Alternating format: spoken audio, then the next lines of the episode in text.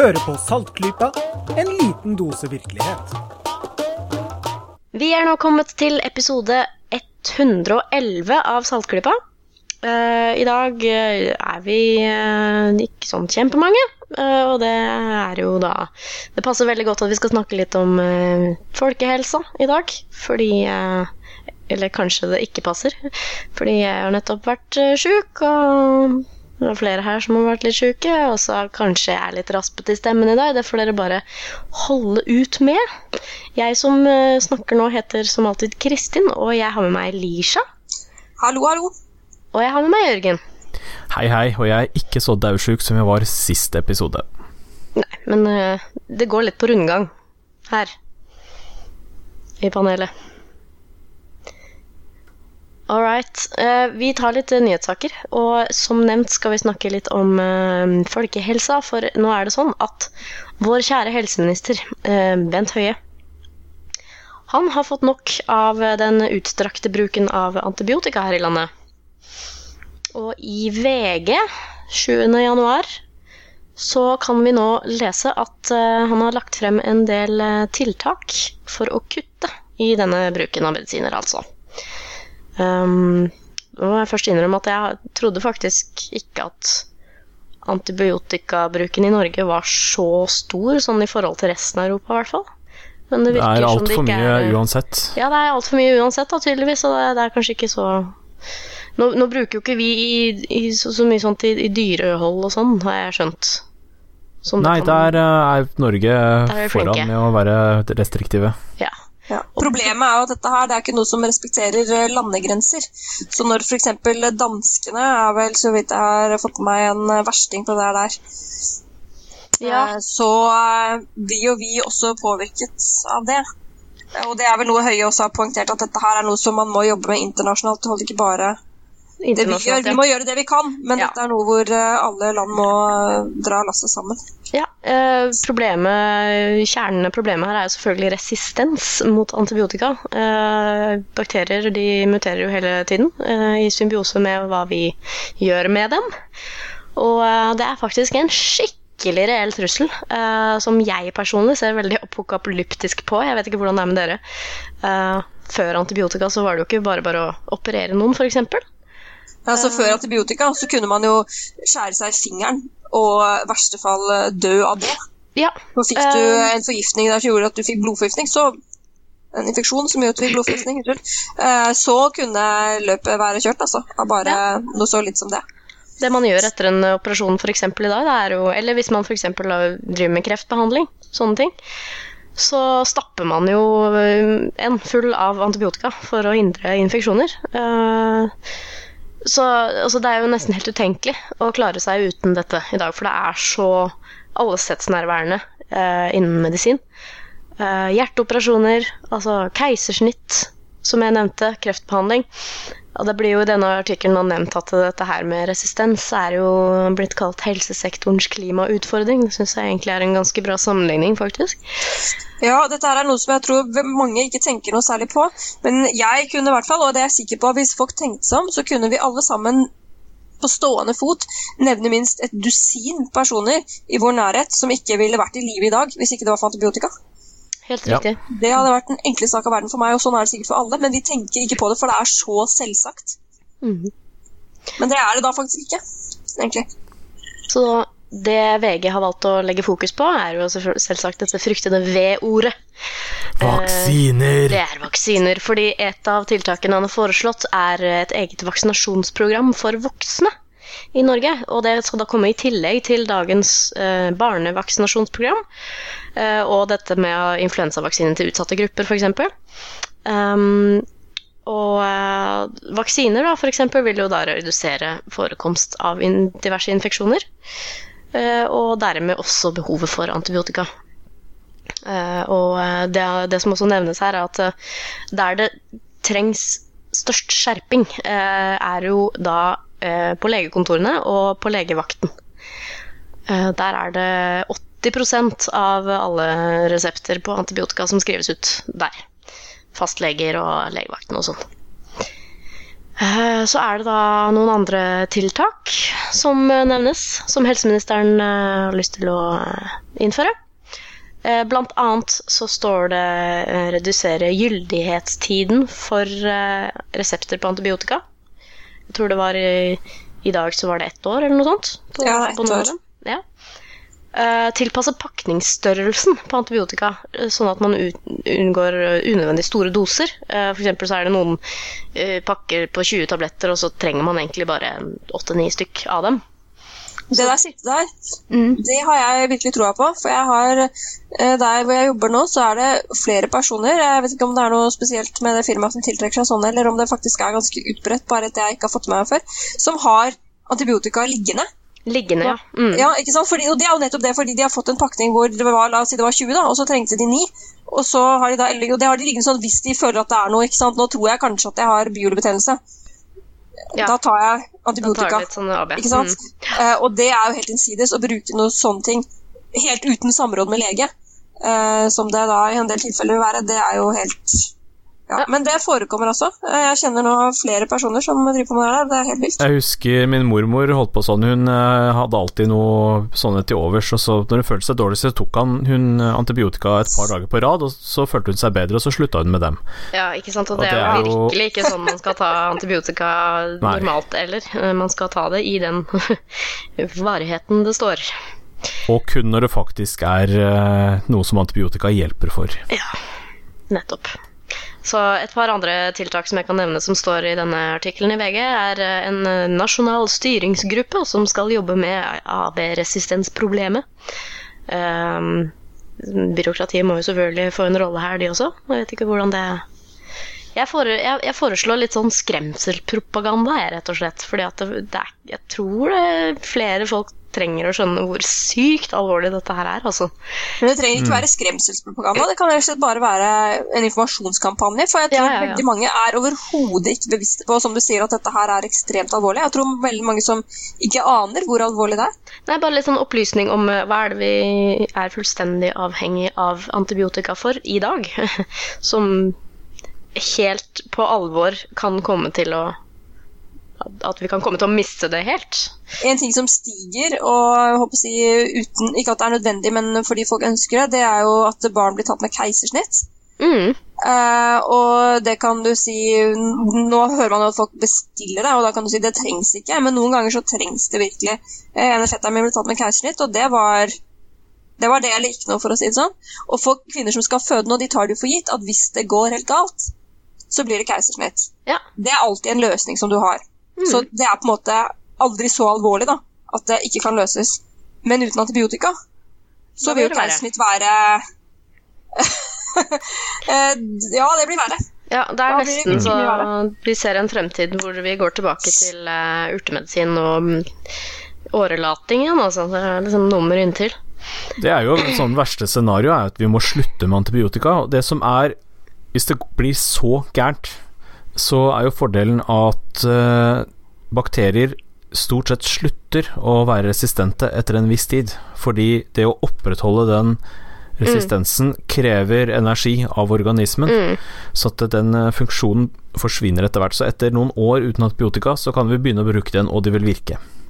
Ja, Men det vil ikke være så morsomt for de som da kunne hatt behov for antibiotika i eh, de årene. Definitivt. Så så Veldig mye Det- forskjellige behandlinger som det blir mer og mer av. Hjerteoperasjoner, eh, ja, kreftbehandling og sånn som det. Så Ja. det blir litt skummelt. Så vi får se. Det jeg syns er interessant når jeg ser på forslagene her, at det er helt tydelig at dette kommer fra fagfolk. Dette er ikke Dette ser ut som det er altså eh, medisinere av ymse slag som har sagt at dette er det vi tror vil funke. Og det må gjøres noe. Det ser ikke ut som noe sånn typisk eh, politisk eh, vedtak fra toppen hvor man har en agenda som er politisk, liksom. Dette her ser ut som det er eh, reelt noe som helse ja, leger og andre eh, mener vil fungere. Så det er bra. Men likevel så er det jo selvsagt en gavepakke av dimensjoner for eh, ikke bare befolkningen, men uh, våre alle kjære konspirasjonsteoretikere, da. Ja. Det jeg syns er Spesielt når litt rart, VG slår, og- slår opp om eh, massevaksinering. Ja, Det jeg syns er litt rart, er den vaksineringa, for så vidt jeg har skjønt, så er det her henvist til vaksiner som foreløpig ikke eksisterer. Mm. Ja, det var vel eh, Jeg, jeg forsøkte meg litt ned på kommentarfeltet der, og da var det noen som eh, etterspurte det. Da hva er det for slags bakterievaksiner som finnes, og da var det vel en som ble nevnt. Og så klarte de ikke å komme på så veldig mange mer, så det, det Ja, det, du, har noe, du har rett i det. Men samtidig, selv om de fleste vaksiner går på virussykdommer, så er det sånn at hvis du får den virussykdommen, så blir allmenntilstanden svekka, og da blir det mye enklere å få ymse infeksjoner som kan føre til at du trenger antibiotika. Så sånn sett så er det altså alt du er beskytta mot, vil jo Jo mindre du er syk, jo mindre, eller jo mindre befolkningen er syk, da, jo mindre behov for antibiotika vil det jo bli. Ja. Jo mer forberedt for- immunforsvaret er. Ja. Ja. Så eh, vi, vi følger nøye med på det. Vi kunne selvfølgelig hatt en hel episode hvor vi bare skumlet om eh, antibiotikaresistens. Jeg syns det faktisk er veldig interessant. Selv Ja. om jeg ikke er ekspert på det i det hele tatt. Nei, det er ingen av oss. Vi får presisere det. Ja. Så vi, vi lar den ligge, eh, og følger heller nøye med på hvordan dette blir eh, fulgt opp her i landet, og i andre land, ikke minst. Yep. Flere ting innen folkehelsa som eh, kan gå på en smell, men da med litt mer positivt fortegn, i hvert fall for sånne som oss. Eh, Jørgen, Ja. hva er noen nyheter om Vitapro?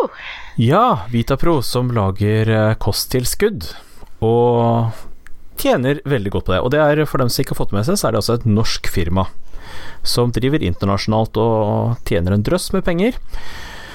Og nå har eh, det svenske marknadsdomstolen har eh, gått til sak mot Vitapro, og pga. eh, markedsføringen.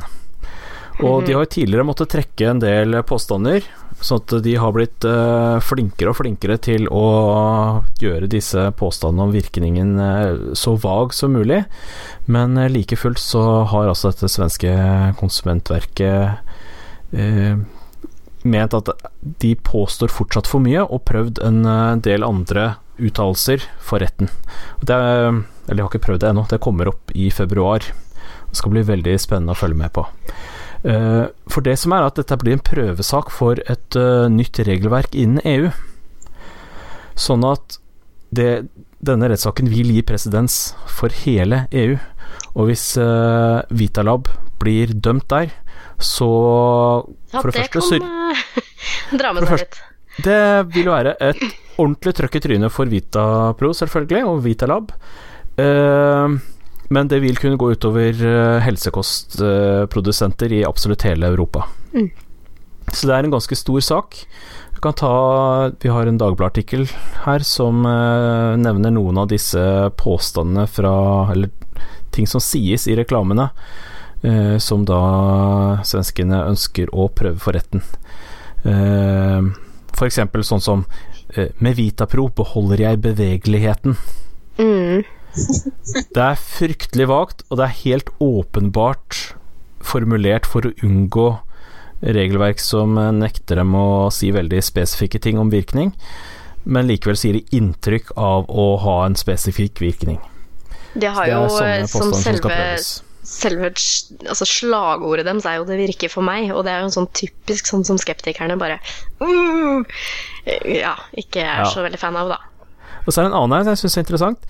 Eh, formuleringen er som følger Hun kjente innimellom at kroppen var sliten og støl, og ville da forsøke å gjøre noe med det.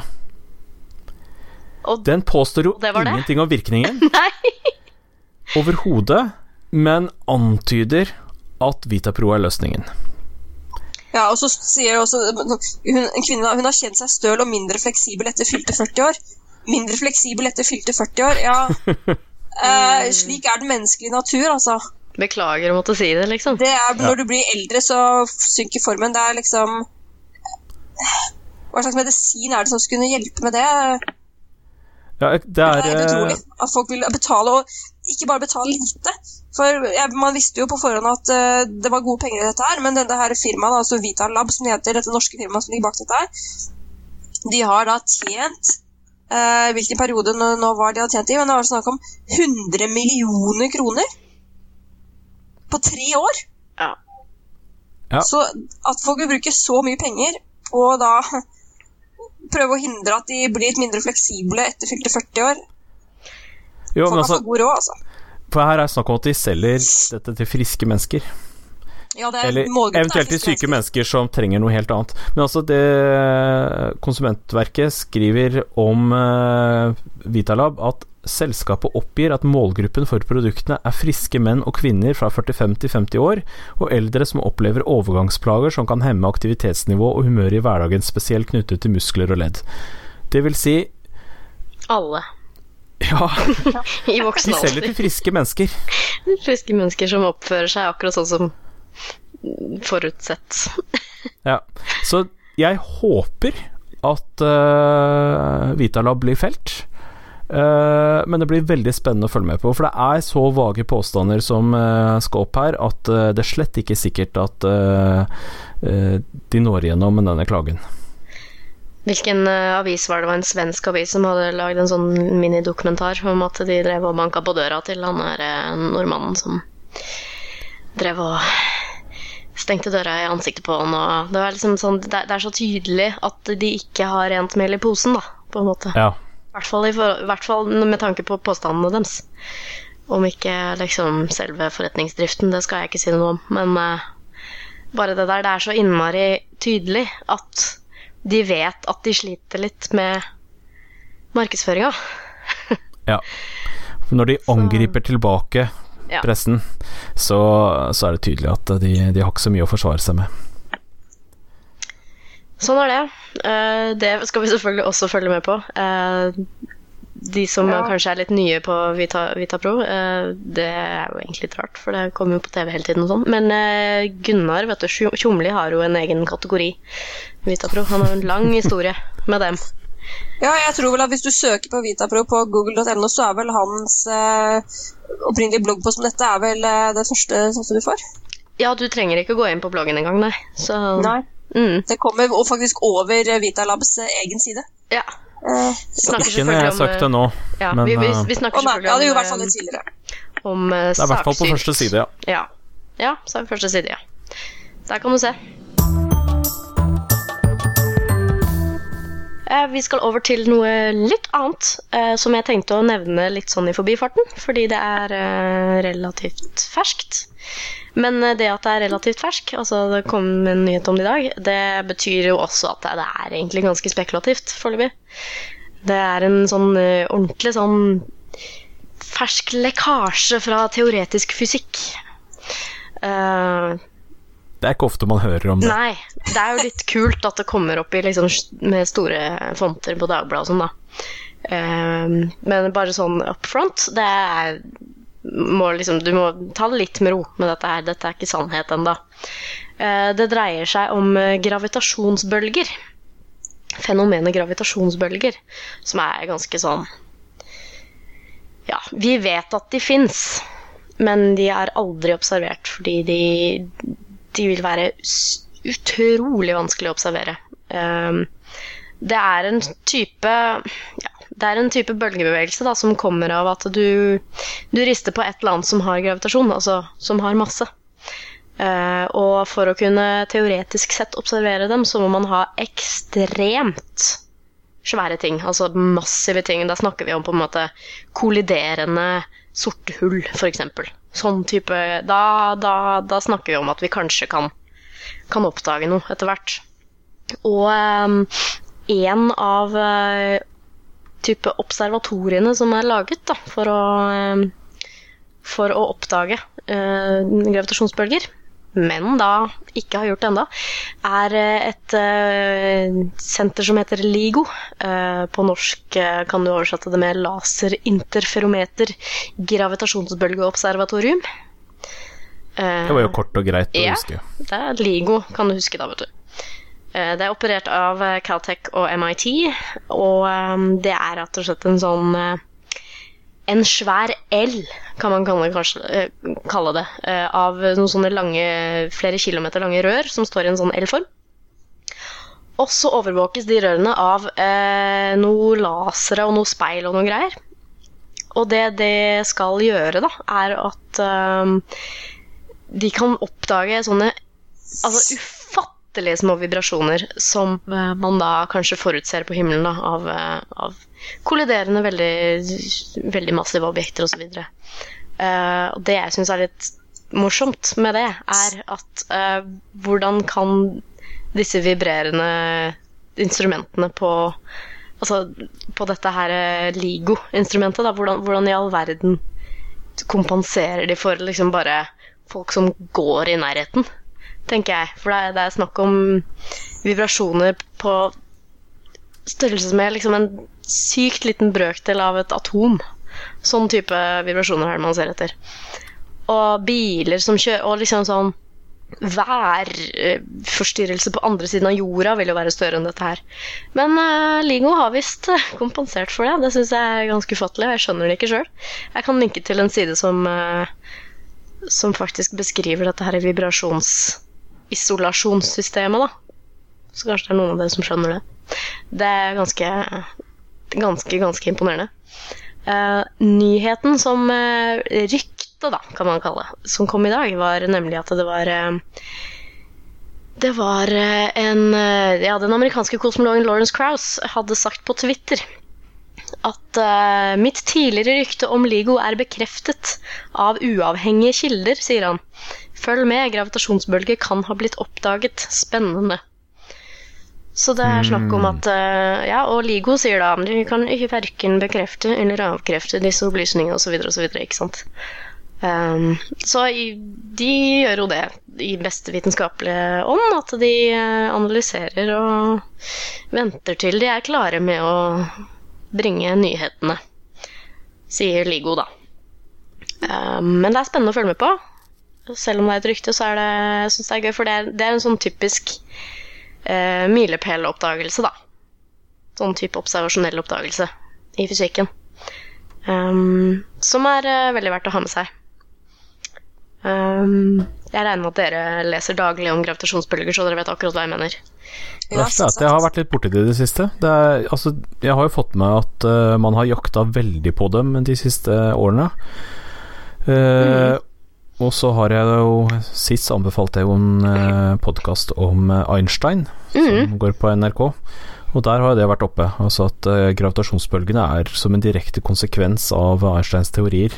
Ja, at Men altså ikke gravitasjonen observert. ikke er på en måte en, en, kraft, sånn som vi ser på den i dagliglivet, og som også Newton så det på, sånn, men en slags konsekvens av at tidrommet krummer seg.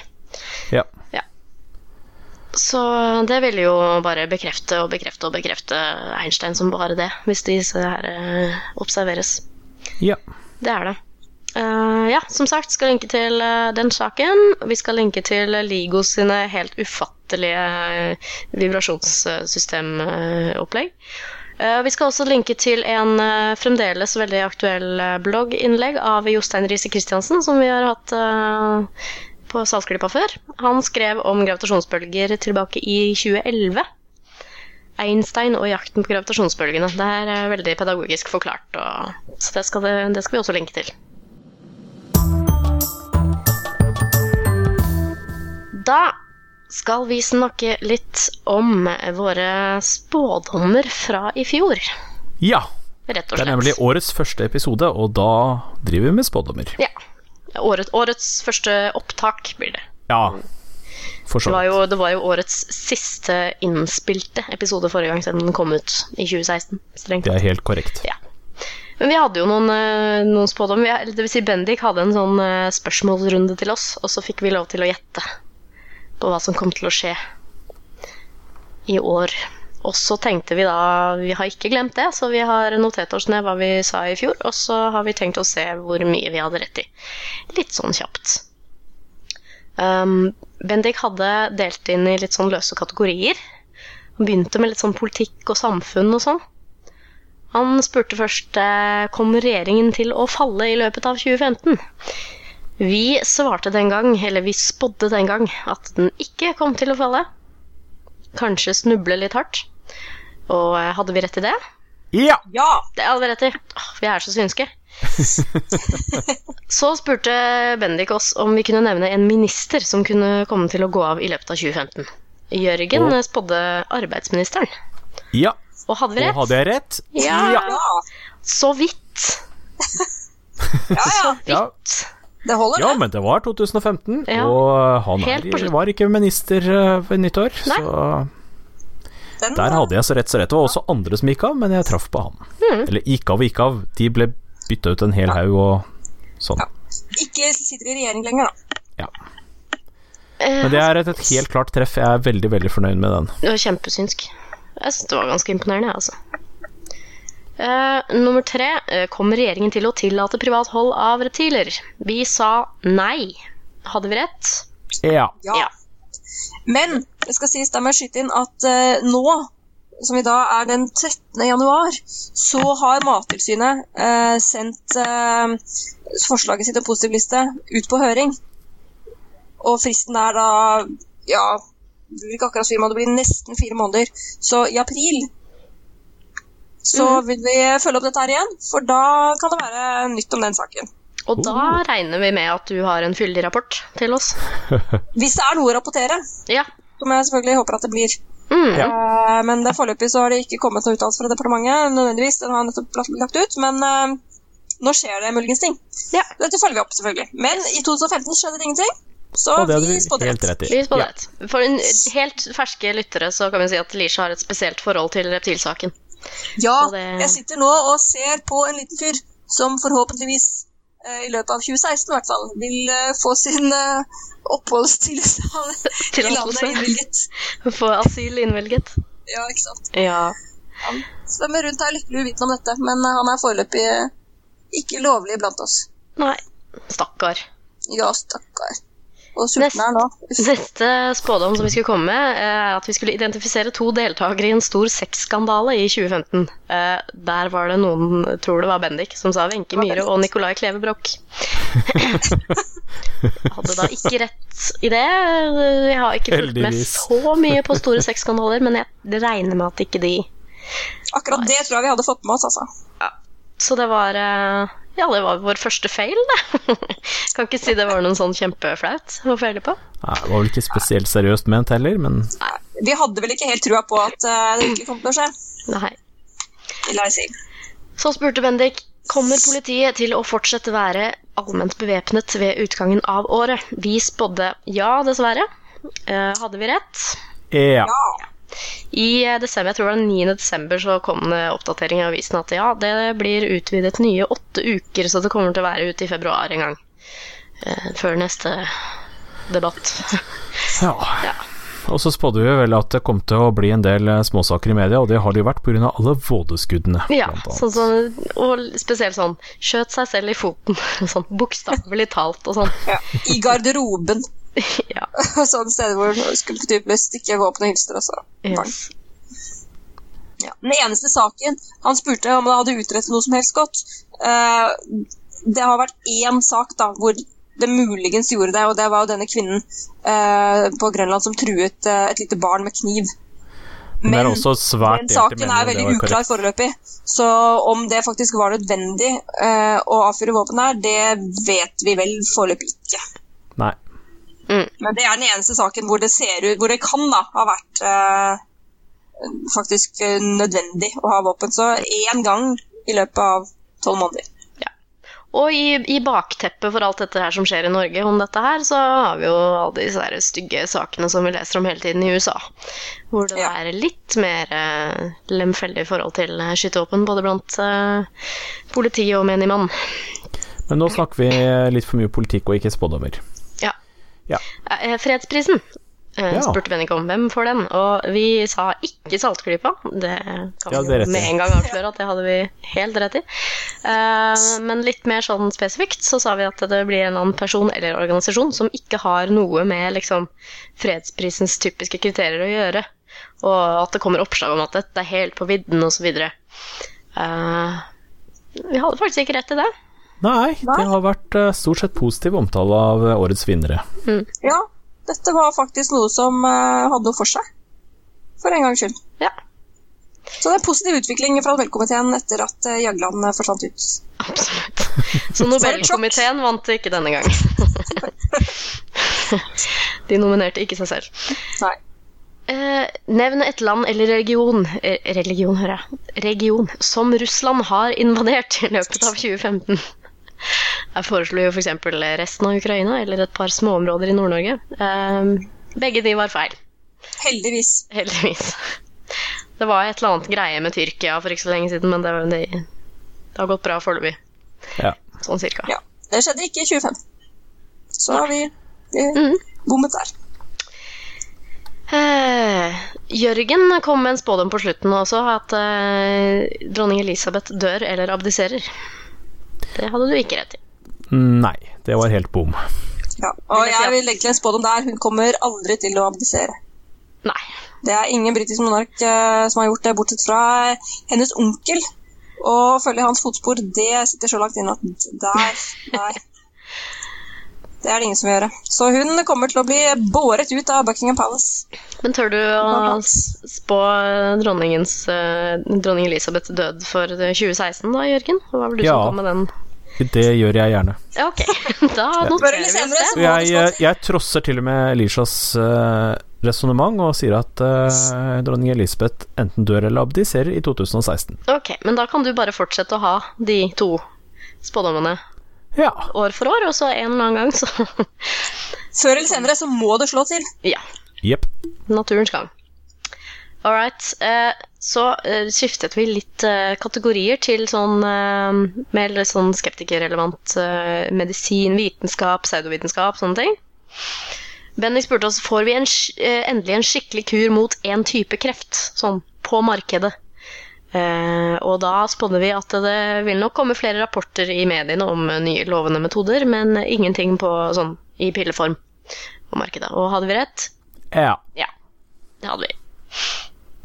Spurte om hvilken motediett kommer til å være tingen i 2015. Der spådde vi Nordic Walk. Og så var det noen som sa gelédietten. Uh, hva nå enn det var. Jeg husker ikke hvem som sa det engang. Eh, Mulig det var Bendik. Det høres litt ut som Bendik. Ja. Bendik eller Marit. Det er noe som går i familien. Um, det er sikkert mange som driver og går ute med skistaver eh, fremdeles den dag i dag. Det ble ikke noen moteopplegg. Um, Nei. Eneste jeg kommer på som, eh, som jeg kan tenke på har vært litt sånn på moten, eller i hvert fall mer i bevisstheten enn før, eller mer i mediene og sånn, det er sånn der lav fodermap-diett. Vet ikke om dere har hørt om det? Det, Aner ja. ikke hva det er. Nei. Nei, det er en sånn spesiell matvaregruppe eh, som kan forkortes FODMAP, eh, og det tør jeg ikke huske på stående fot hva det står for. Det er veldig komplisert. Men det er en sånn type mm, sukkeralkoholer eller et eller annet sånt eh, som eh, brytes ned på en spesiell måte, som eh, noen mennesker da ikke helt tåler. Det er f.eks. sånne veldig mange vanlige matvarer, sånn som løk og pære og diverse bønner og litt sånn som forskjellig sånn. Og eh, det, ha, det er ikke sånn eh, fullstendig pseudovitenskapelig, det er faktisk en eh, greie som har en del forskning bak seg. Jeg syns faktisk det er litt interessant. Um, om det ikke har blitt en motediett, så er det i hvert fall kommet inn i dietkatalogen, vil jeg Ja. påstå. Men vi hadde ikke rett. Vi tok i hvert fall feil. Vi tok feil. Vi tok feil. Ja.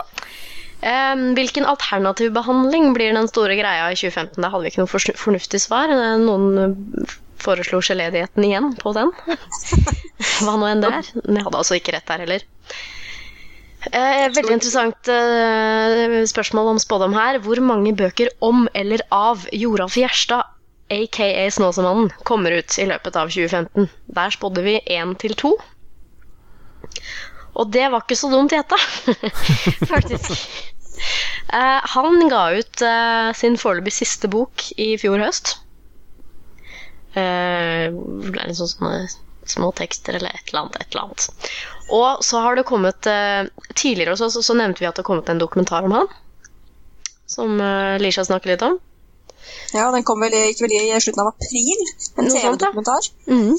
Og så har godeste Margaret Olin laget en uh, ny dokumentar som, uh, som uh, jeg husker jeg leste om i sånn typ kinomagasin og sånn når jeg skulle sitte og vente på en film. Om Ja, ble- mannen fra Snåsa. Eh, og den har, pre den har jo ikke premiere før nå i år, da. Men Ja, det ble annonsert i 2015. Yes. Så én TV-dokumentar og én kinodokumentar. Ja. Så Måtte, Og en bok. Jeg vil Ja. si det er ganske bra treff, jeg, altså. Ja, Ja, det er eh, vi kaller dette treff. Vi kaller det treff. Eh, oppfølgingsspørsmål til forrige. Lever han? Eh, vi spådde ja, og vi har rett i det. Ja. Eh, så er det litt sånn Hvis nei, har han spådd sin egen død? Litt sånn morsomt. Um, vel, eh, Bendik spurte også om eh, hvis det er en sånn, sånn stor sportsbegivenhet altså Det var ingen av oss som klarte å komme på om det var noen store sportsbegivenheter i 2015, fordi det er ingen av oss som er sånn kjempemye inni der. Eh, men i hvert fall hva slags dyr kommer til å spå utfallet av denne store sportsbegivenheten denne gang. Det ble foreslått en melkeku og eh, kattunger. Det viste seg da i virkeligheten eh, egentlig å være tegn til at spående dyr har gått litt av moten, sånn i mediene. Jeg har i hvert fall ikke hørt noe som helst om det i år. Nei, Nei, ikke jeg heller. sånn er det. Uh, ok, så neste sånn løse kategori er litt sånn diverse. Litt uh, Ja, veldig mye rart, faktisk. Uh, det første er er 3D-printere blitt allemannseie? Vi spådde nei, men folk flest vet hva det er. Eh, hadde vi rett i det? Ja, det vil jeg si. Jeg tror det.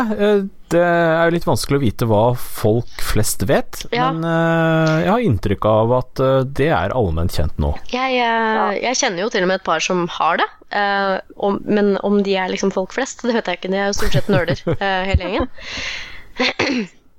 Ja, jeg tror eh, veldig mange har hørt om det å kunne komme med en slags definisjon av det. Altså, det tror jeg. Jeg syns vi må si vi har rett i det. Ja, for stadig flere ting blir 3D-printa. Du har jo til og med kunstige organer og slikt som blir 3D-printa nå. Det var jo ganske naturlig eh, svar vi kom med, så det var ikke noen sånn stor spådom om dette her, men jeg vil Men- si vi hadde rett, ja. Men det er jo sånn vi må gjøre når vi spår. Det er jo sånn spåkonene gjør. De kommer med sånn halvveis logiske slash vage spådommer. Hmm. Um, årets nye gadget som alle snakker om, helst ikke Apple, spurte Bendik henne. uh, så vi spådde da en personlig helsemåledings, eller noe idiotisk à la selfiestick, f.eks. selfiedrone. Uh, hadde vi rett i det? Ja Helsemåledingser er jo litt sånn i vinden, da. Ja, ja jeg det vet er ikke hvor mye mer i fjor enn f.eks. året før, da. Det, det er jeg ikke helt sikker på, men det. Det har kommet mange flere av dem, ja. men uh, ja Jeg tror, jeg tror nok den trenden også er på vei nedover igjen, så jeg tror kanskje 2015 var toppåret det, tror for jeg. den typen dingser. Har vi en ny spådom for 2016 da? Dingser. Uh, At eh, 2015 var toppåret for helsemåledingser. Ja Vi får se. I hvert fall på eh, årets eh, CES-messe så var det påfallende mye færre av sånt enn det var i fjor. Og um, altså sånne droner, i hvert fall, da, om det er selfie-droner, det vet jeg ikke, men, men droner er jo kommet veldig mye av. Det ser man jo på Claes Olsson, bare. Så har har de jo droner overalt. Ja, absolutt. Og selfie-drone eksisterer. Ja. Så det er sånn delvis rett i, i den Ja. spådommen, er det ikke det? En tilleggsspådom er at, eh, var at eh, Apple Watch kommer ikke til å ta av, ei heller smartklokker generelt. Hvordan gikk det med den spådommen? Det har ikke tatt av. Det er eh, kommet en del av det, og det er ikke helt uvanlig å se at noen har den på seg, men det har ikke blitt den der kjempegreia at alle må ha en Apple Watch. Nei. Men jeg tror det har vært uh, tatt, tatt litt mer av enn vi trodde, da. For jeg ser jo Kanskje. mange som har Apple Watch, jeg. Faktisk. Jeg tror ikke jeg har sett en eneste. Jo, Ikke ærlig. sett flere. Og andre smartklokker. Jeg Ja, det har jeg sett noen av. Jeg har litt uh, lyst på smartklokke. Uh, ikke Apple Watch, det har jeg ikke råd til, for jeg må jo kjøpe en iPhone i tillegg. Uh, det er jo litt sånn dust. Eh, så, men smartklokke kunne jeg godt tenkt meg. faktisk. Jeg jo, men jeg må endte opp med å kjøpe meg et helt analogt uh, ur istedenfor. Ja, Et det går også ur. an. Det går også. Hvem får Ig Nobelprisen, spurte Bennik om, og der presterte vi å ikke komme med noen fornuftig svar i det hele tatt. Så der har Ja, vi er det liksom noe ingen- som er vanskelig å forutse, så er Ig Nobelprisen. Det er det, vet du. Det er vanskeligere enn Nobel. Ja. Ja, du må følge så utrolig godt med på så mye rart. Mm. Så det er eh, Nei, for amatører som oss så tror jeg det er eh, så godt som umulig å spå. Litt om den internasjonale skeptikerbevegelsen. Hvem blir den neste nye skeptikerkjendisen som viser seg å være skikkelig misogynist og kvinnehater? Uh, vi hadde ingen fornuftige svar der, men vi kom, uh, kom med en tilleggsspådom. Uh, sånn apropos internasjonal skeptis, skepsis. Hvem tar over for Randy i JRF? Og der kommer vi med litt sånne ønsker, da. Pamela Gay og Bill Nye ble nevnt. Um, og Nei. vi hadde jo ikke rett til det. Nei. Nei. Uh, for det er jo ingen som har tatt over for Randy JRF. Men det at vi ikke hadde noe svar på hvem som blir avkledd som musikinist, det er jo på en måte litt riktig, for i hvert fall så langt jeg har funnet ut, så har det ikke vært noen flere store saker om det, selv om selvfølgelig debatten har fortsatt å rase, så har det ikke vært noen store skandaler, mm.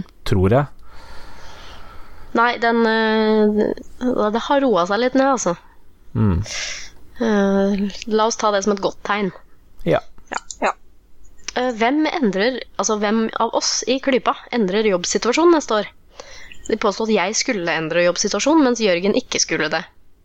Mm. Uh, For min del, jeg har ikke endret jobbsituasjon, så det var feil Nei, på meg. jeg har jo ikke det hvis man ser på det som å jobbe på et sted, men jeg har jo egentlig endret det ganske mye ved å jobbe på samme sted, i samme stilling. Fordi jeg har hatt eh, masse permisjoner, og jeg har endret stillingsprosent og mye rart. Men Ja, det er jo en slags endring i jobbsituasjonen, det, da. Ja, men ja. Så da Ja, ja. skulle vi ha bytta om oss to, da. Så det var en uh, That's a fail. Generelt sett da, så kan man si at vi sviktet litt i definisjonen av eh, betingelsene for det spørsmålet, så det var Ja. vanskelig å Det er sant. få slå det til å slå til, egentlig. Igjen i Ja. god eh, spådomsånd så sviktet Ja. vi også i definisjonen av spådommene. Vi var veldig vage, i håp om at det skulle fange, fange litt vits, men det slo altså feil denne gangen. Det Og så tar vi, eh, gjør vi det helt feile nå, at vi faktisk tolker de verste mulige mening og sier at vi tok feil, når vi, hvis vi hadde gjort det som eh, de såkalt klarsynte gjør det, så ville vi sagt at vi hadde rett. Det er sant. Det er sant. Eh, hvem på, pådro seg størst fysisk skade i 2015? Der gjetta vi på Marit eh, skulle få et kjempestort papercut, eventuelt brekke beinet. Ehm, jeg vet at Marit hadde litt trøbbel med foten sin eh, for ikke så lenge siden. Jeg håper hun er bedre nå. Så det kan hende vi hadde rett, altså, med mindre en del andre har noe svære fysiske Ja. skader utenom det. Ikke jeg. Ja, jeg har slitt litt med et nakkeprolaps på slutten av året, men eh, det er ikke noe dramatisk, det. Det lever jeg helt fint med. Ja, det er godt å høre. Ja. Så siden vi gjettet Marit og vet at hun hadde noe med beinet sitt, så Ja, vi hadde skal vi da, da Da må vi si at det er rett, for det, vi må være litt Ja. synsk også. Vi hadde ikke rett på de spesifikke tingene vi foreslo at skulle gå galt med henne, men at hun eh, skadet seg mest, ja. Men det er selvfølgelig vår feil, for vi var for spesifikke. Ja. Må slutte med det der. Ja. Ja. Nei, uh, Eurovision, da. Lisha, hun gjettet ikke Norge. ja, hun snakker om hvem som kommer til å vinne. Eurovision. ja, ja selvfølgelig. Uh, Bendik gjettet Irland, og Jørgen gjettet et eller annet østblokkland som ikke har råd. Eh, der var det vel Lisha som hadde mest rett i at ikke Norge vant. Men samtidig kan man si at jeg tok eh, også litt feil, fordi Sverige vant, og det er jo nesten Norge. Nesten. Mm. Men de var selvfølgelig Det var en, ikke den moralske vinneren, fordi den låta var jo et rent plagiat av en David Guetta-låt. Eh, Så egentlig, spør du meg, så burde den vært eh, diska, faktisk. For den var ekstremt uoriginal. Du kan Mm. bare bytte opp tekstene og synge dem til samme melodi. Så Men, men. Um, Bendik sa at eh, Nei, Jørgen, du sa at det kom til å bli et østblokkland som ikke har råd, og det ble da et vesteuropeisk land som ikke har råd. Så ja. sånn sett så hadde jo du også litt rett. Ja, ja. Så vi skal være snille og greie. ja. Mens Ja, vi, Irland var altså feil. Ja, vi får ta det vi får. Uh, Irland ble altså helt feil, og det kommer til å være feil uansett hvor mange ganger man tipper på det. Så ha-ha. Hva bryr vi oss masse om i starten av 2015, eh, og som vi fremdeles husker eh, nyttårsaften 2015? Der ble det foreslått av arbeidsmiljøloven, som vi snakket om eh, i årets første episode, og Charlie Hebdo.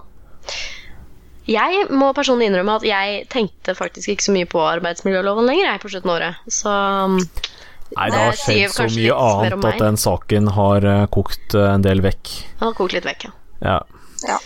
Men eh, ja, Charlie Hebdo husker vi jo veldig fremdeles. Har blitt eh, Ja, den har jo på en måte blitt vekket til live av den nye terroren i Paris, men samtidig så har den nye terroren i Paris også eh, kjørt Charlie Hebdo-saken litt mer i bakgrunnen. Mm. Så, Nei, det har jo vært det store um, IS-året fremfor Al Qaida. Ja. Dessverre. Um, så det spådde vi ikke, Nei. sånn spesifikt om det. Um, det står her at jeg spådde at uh, for det første, skomoten blir ikke nevneverdig annerledes enn i 2014.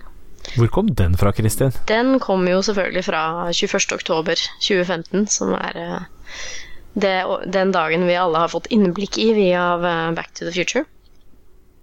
Ah. Det var Nikes selvknyttende sko, selvfølgelig. Eh, har ikke slått an. Nei. Det, var, eh, det har blitt eh, Det skal liksom bli produsert og sånn, men det er nok med mye, mye, mye, mye gimmick der. Eh, jeg har, jeg, men jeg har en sånn regnbuecaps. Det har jeg. Det måtte jeg kjøpe, fordi jeg hadde bursdag 21.10.2015, og det måtte jo markeres. Ja, det skulle være mange. Ja. Jeg spådde også at 1000 nye eksoplaneter ble oppdaget i løpet av 2015. Um, og det var basert på en litt sånn ekstrapolering av eh, hvor mye som ble oppdaget i året før og året før der igjen. Og det har jo bare gått oppover og oppover. eh, til og med til tross for at eh, Kepler-sonden, som er den som oppdager flest av dem, eh, har jo hatt litt sånn den er ikke i full drift lenger, og greier, men likevel så kjører den på og oppdager eksoplaneter. Det ble ikke oppdaget 1000 nye eksoplaneter i 2015. Eh, den passerte 1000. Det var jo eh, Da spådomsepisoden vår eh, kom ut, så var det eh, oppdaget, eller bekreftet, eh, 800 og noe. Og det, det, det ble plassert ganske kjapt i 2015. Eh, 1000, altså. Og det har for noen, år, for noen dager siden så ble det jo bekreftet også 100 nye. Så det har ikke gått så veldig mye oppover um, som jeg trodde. Eller som jeg spådde. Så det var en feil på, Oi, oi. på den for meg. Helt, ja, og helt til sist så spådde Lisha at uh, det skulle bli et veldig bra Eurovision-show i Wien. Stemte det? Ja, det syns jeg absolutt stemte. De uh, slo på stortromma på noen måter, men samtidig så klarte de å ikke gå sånn helt rabiat og styr som visse land. Russland. Uh, uh. Så jeg syns det var et veldig, veldig bra show, og de de viste at eh, hele byen satte pris på å være vertskap for dette, og eh, nei, de gjorde det kjempeflott. Det så veldig flott ut. Uh, arenaen og presentasjonene var veldig flotte. og Nei, jeg var veldig, veldig fornøyd. Så du Så blir det spennende å se hva svenskene klarer å hoste opp etter de Det var ikke lenge siden de var vertskap sist. Eh, Nei, det så da må de prøve å fornye seg litt igjen. Det var jo da i 2013. Så var det Malmö. Ja, Nå det ser det ut til at det blir Stockholm. De har noen sko å fylle. Det har de absolutt. eh, Men mm. det er klart svenskene er veldig veldig glad i Eurovision. Så jeg tror de kommer til å eh, gjøre en innsats, Mm. tror jeg. Så vi, vi krysser fingrene. Jeg har ikke like stor tro på det i år. Fordi som sagt, de nettopp har hatt det, og det blir litt vanskelig. For Østerrike så var det første gang på 48 år eh, at de hadde muligheten til å være vertskap. Så det er klart at eh, de var nok litt mer gira enn svenskene her da. Og det er første gang på tre år. Det blir liksom ikke helt samme. Igjen, eh, for nye lyttere eh, Den andre saken som Lisha bryr seg veldig mye om, er jo Eurovision og Melodi Grand Prix. Eh, vi har en spesialepisode hvert år. Kjempegøy. Ja. Eh, Så vi, det blir også selvsagt i 2016. Så Grunnen til at vi har en sånn spådomssegment eh, innimellom, er eh, litt for å harselere med dette her at det, i mediene så er det gjerne noen sånne påstått-synske som kommer med sine spådommer, og så liksom blir det liksom ikke så veldig fulgt opp, da, hvor rett de hadde. Ikke sant? Det er jo gjerne fordi de ikke hadde rett i det hele tatt. Nei, eventuelt så kommer de da i ettertid og sier 'Å, det spådde jeg', men så er det ikke registrert noe sted at de spådde det. Um, Eventuelt så har de registrert det, men de har også klart å dekke over at de spådde 2000 andre ting som ikke ikke minst. Ikke minst. Ja. Men jeg syns vi hadde rett på veldig mange av våre spådommer, ja. Ja, jeg er overraska over at det gikk så bra. Ja. Og også, jeg må si, vi var flinke, Jørgen. Det var imponerende at også såpass da, arbeidsministeren er liksom ikke det er ikke den som uh, leaps to attention. da. Det er ikke liksom det mest glamorøse departementet. Så Nei. mange ville kanskje nevnt, og eller kanskje ikke heller det mest kontroversielle. Som Eh, så da må jeg si at det var eh, weirdly specific, altså, men det slo til. Det, det var Ja, ikke dårlig. Jeg er veldig fornøyd med den. Ja, det skal det virkelig være. Det er supert. Nei, så da har vi altså dronning Elisabeth for neste år. Er det noen flere som vil spå noe for uh, året som kommer? Hvem er det som vinner Eurovision, Lisha? Det er litt eh, tidlig å begynne å spå om det, siden de fleste landene ikke har valgt ennå, men jeg håper jo inderlig at det ikke blir Sverige, da. Nei. Jeg syns at nå faktisk kan det bli et eh, østblokkland igjen. Ja, du syns det? Ja, jeg syns det. Da tar vi det som en spå- spådom. Vi krysser fingrene. Nå har det vært først, det var en lang periode hvor man var veldig mye i øst, østblokken, og da klagde jo folk i Vesten og sa at eh, nå kan man jo bare legge det hele greia, for nå vinner jo vi aldri mer. Men selvfølgelig, etter det så har jo Vesten vunnet 40 ganger. Så nå kanskje nå Et land som jeg er veldig glad i i Eurovision, er jo Serbia. Og de pleier alltid å sende skikkelig bra ting. Så eh, jeg heier på Serbia. Forutsatt at låta deres duger, selvfølgelig, men det gjør den veldig ofte. Ja, det er bra. Nei, er, Du og Kristin, har du noen spådommer? Og jeg har, spå- har noen spådommer. Jeg spår i likhet med han eh, eh, Han eh, kosmologen Robert McNeese, som blir nevnt i gravitasjonsbølgeartikkelen i Dagbladet, at eh, eh, det er Det vil bli påvist av LIGO. Det spår jeg. Litt trygt, og, og så er det greit også hvis det ikke skjer, for da liksom Da er det enda en mystisk ting i vitenskapen som har skjedd. Det spår jeg. Ellers så hadde jo jeg lyst til å ta for meg noen eh, faktiske spådommer. Ja. Fordi grunnen til at vi, vi og andre skeptiske podkaster tar opp disse spådommene, er fordi media har hatt det med å florere med sånne spådommer som underholdningsnyheter. Uh, de siste par årene så har jeg virkelig slitt med å finne noe i norske medier i det hele tatt. Jeg tror det har gått litt av moten, altså. Ja, jeg tror det. Ja, det ser sånn ut. Og det er jo en god ting, Ja, faktisk. Det er stadig noen artikler om spådommer, men da er det fagfolk som skal spå framtiden neste år for sitt fagfelt. Ja, økonomi, økonomi og og teknologi og sånt. Og det er helt streit. Boligmarkedet og sånt. Altså det, De tar jo som regel helt feil, men, men det er helt Ja. streit å prøve å spå innen sitt eget fagfelt for et år. Og Det er greit. det kan egentlig ikke helt kalles spådommer, fordi at det er folk som prøver å komme med educated guesses, for det er som Jørgen sier, i fagfeltet deres. Men uh, virkelig spådommer, da, som er det vi har sett veldig lite av de siste par årene, det er jo folk som mener at de eh, kan se inn i fremtiden. nettopp. Og derfor vet de at eh, prinsesse Märtha Louise vil eh, vinne Nobels eh, litteraturpris i 2018. Eller andre lignende ting som sannsynligvis eh, ikke kommer til å skje før helvete fryser over. Nei, det og det er fordi de ser fremtiden, og ikke fordi de forstår seg på ting. Det er jo eh, det der med, med spådom at det er liksom blitt et sånt daglig, dagligord som betyr noe litt annet enn det det opprinnelig gjorde. Um, ser, vi, ser vi veldig ofte. Så det sniker seg inn. Og Ja, Man sier at meteorologene spår været, f.eks., men ja. det er jo litt feilbruk av ordet. Ja, det er vær, og det er uh, penge- og oljemarkedet, og det er uh, Ja, det er sånne ting. Teknologiske fremtidsting og sånn. Det blir spådd. Men Ja. på en mer faglig måte, kanskje, da. Selv om det også er litt sånn vill gjetning, som regel. Eh, Men jeg tenkte sånn Hvis, hvis eh, du som hører på nå, eh, på podkasten vår, på Saltklypa, hei! Hei på deg! Hvis du har noen sånne spådomstips, enten du har noen selv, eller om du har hørt noen eh, rare synske mennesker som har påstått noe skikkelig svært, eh, send det gjerne inn til oss. Så skal vi notere oss det. Ja, for vi har ikke klart å finne det selv. Vi har ikke det, altså. Eh, det er selvfølgelig en god nyhet, men eh, det er vel noe annet som tar over for det uansett. Hvis, hvis det har gått av moten i mediene, så kommer det noe annet. Eh, Men send det gjerne inn, eller kommenter i Facebook-tråden på denne episoden, eller eh, ja I det hele tatt. Ja. Så får vi se hvordan det går i år. Vi skal også ha litt anbefalinger denne gangen. Eh, først så tenkte jeg å nevne eh, skeptikertreffet i Oslo. Um, skeptikere på puben. Uh, er ikke helt spikret ennå for januar, men det ser ut til å bli den 21. Og hvis det da blir spikra uh, før denne episoden kommer ut, så skal jeg sørge for å lenke til uh, tid og sted og Facebook-event og sånne ting. Det var min anbefaling. Ja. Jeg har eh, en interessant anbefaling.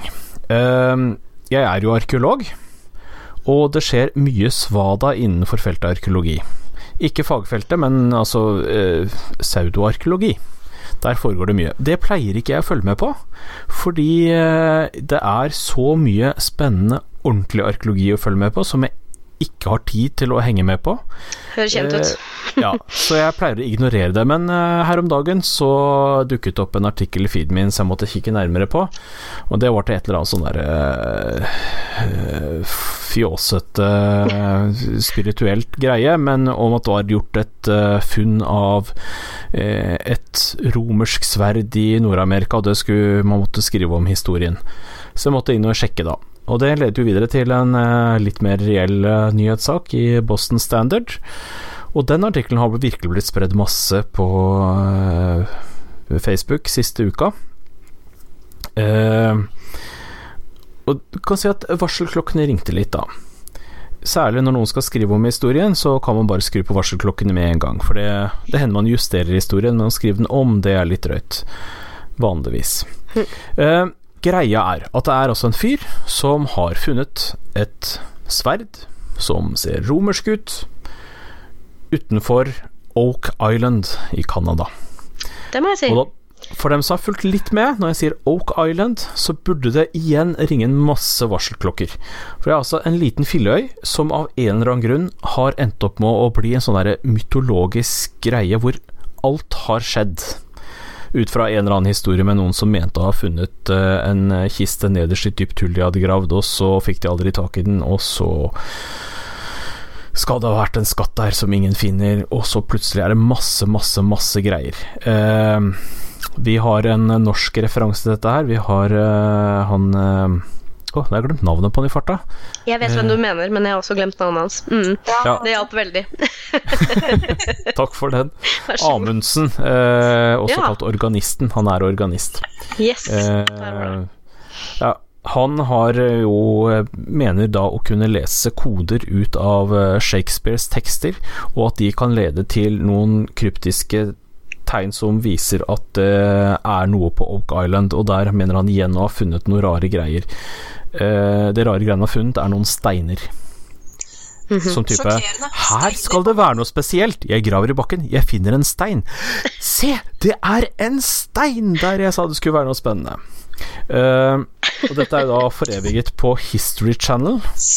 Eh, den kanalen som startet med faktisk å vise historie, og har sluttet med for lenge siden å vise bare tull. Ja, det er sånn, man skal, når man sier History Channel, så skal man alltid følge opp med sånn luftfnutter med fingrene.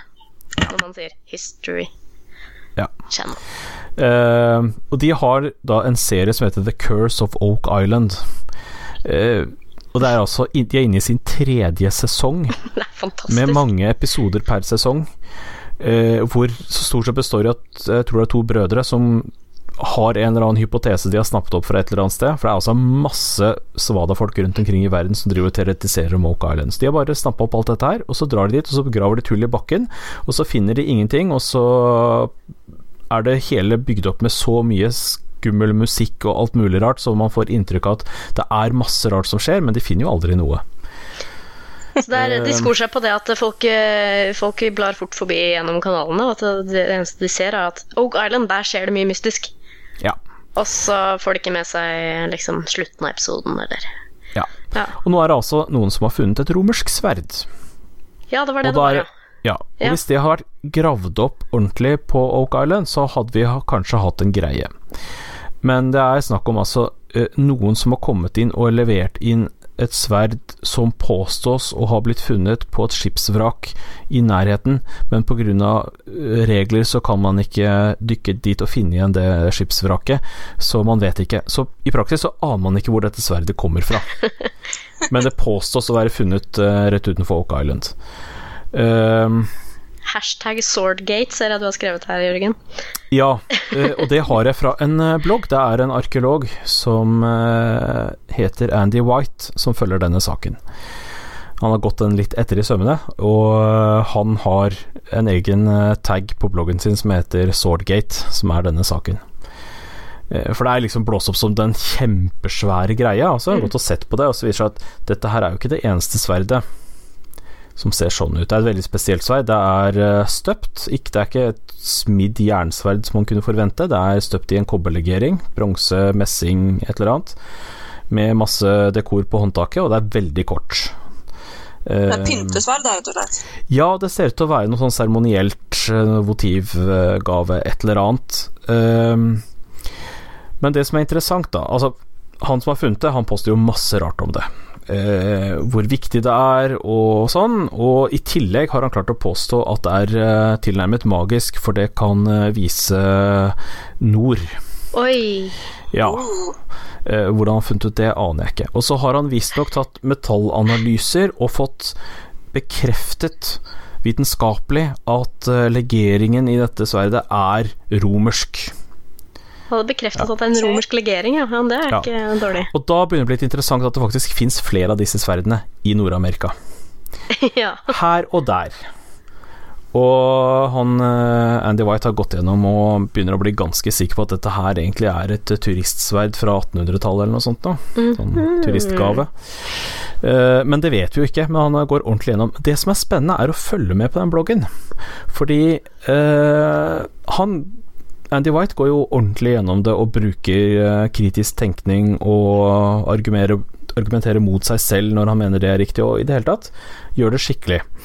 Uh, og han har nå klart å skaffe et av de andre sverdene, og han har skaffet et turistsverd, og ikke bare bruker dårlig foto, men han skal drive med 3D-skanning for å kunne se alle detaljer ordentlig, og i det hele tatt. Det er kjempespennende å følge med på, og han dusten som har funnet dette sverdet og påstår at det er romersk, og da selvfølgelig er med i History Channel sitt eh, program. The Curse of Oak Island. Eh, han har jo da truet eh, Andy White med masse greier fordi han har brukt bilder fra dette her, og de må tas ned. Truet med masse søksmål, og i det hele tatt. Og oppfører seg sånn som eh, pseudovitenskapsfolk vanligvis gjør. Så det er veldig lærerikt. hvis man er interessert i å lære forskjell på vitenskapelig og uvitenskapelig måte å gå fram på. Så jeg anbefaler sterkt å følge bloggen til Andy White, den skal vi legge til. Og man kan også følge Facebook-siden hans som heter uh, Fraudulent Archaeology Wall of Shame. Å, oh, så bra. ja, han har uh, drevet med masse rart, men akkurat nå så er det Swordgate som uh, pågår. Og der pågår Altså, nå kan du følge med på at det skjer nye ting hver eneste dag. For uh, dette programmet hvor hemmeligheten om sverdet skal avsløres, har ikke gått ennå. Så det er masse krangling nå i forkant av dette programmet, hvor vi endelig får vite hva som skal presenteres ordentlig. Mm. Kjempegøy å følge bra. med på. Så noen flere anbefalinger da? Ja! I samme gate. Jeg sitter og ser på notatene her, og så bare Jammen har ikke Jørgen en ny podkastanbefaling. Ja, det var det. Eh, for midt oppi all disse diskusjonene her, da, så ble det anbefalt en podkast som jeg da selvfølgelig begynte å abonnere på, som heter Archaeology Fantasies. Og den handler om eh, pseudoarkeologi. Og det lille jeg har fått hørt på foreløpig, er eh, veldig bra. Så for dem som er interessert i dette her, så, og er komfortable med å høre på engelskspråklige podkaster, så anbefaler jeg sterkt den. Så bra. Det har vi nok lyttere som eh, er, altså det vil si høre på engelskspråklige ting. Tviler ja. jeg ikke på. Ja, men takk for det. Mm. Og uh, det var vel det vi hadde for i dag. Det har blitt langt nok. Ja, det, jeg tror det. Masse, det. Men takk for at dere fikk være med og spikra sammen denne episoden. Det var kjempebra. Det gjør vi så gjerne, vet du. Om et par ukers tid så er vi tilbake og har sikkert masse mer å snakke om. Uh, frem til det så vil jeg bare si uh, ha det bra, og da kan dere andre få lov å si det også. Ha det, ha det. Uh, ha det? Ha det. Saltklypa lages av Kristin Lisha, Jørgen og Bendik. Har du spørsmål, anbefalinger, ris eller ros, send det til post at saltklypa.no, eller finn oss på Facebook. Lenker til alt vi har snakket om i episoden finner du på saltklypa.no, hvor du også kan abonnere på podkasten for å få hver episode levert på døra helt gratis. Takk til Smart 9000 fra Evig poesi som har laget kjenningsmelodien.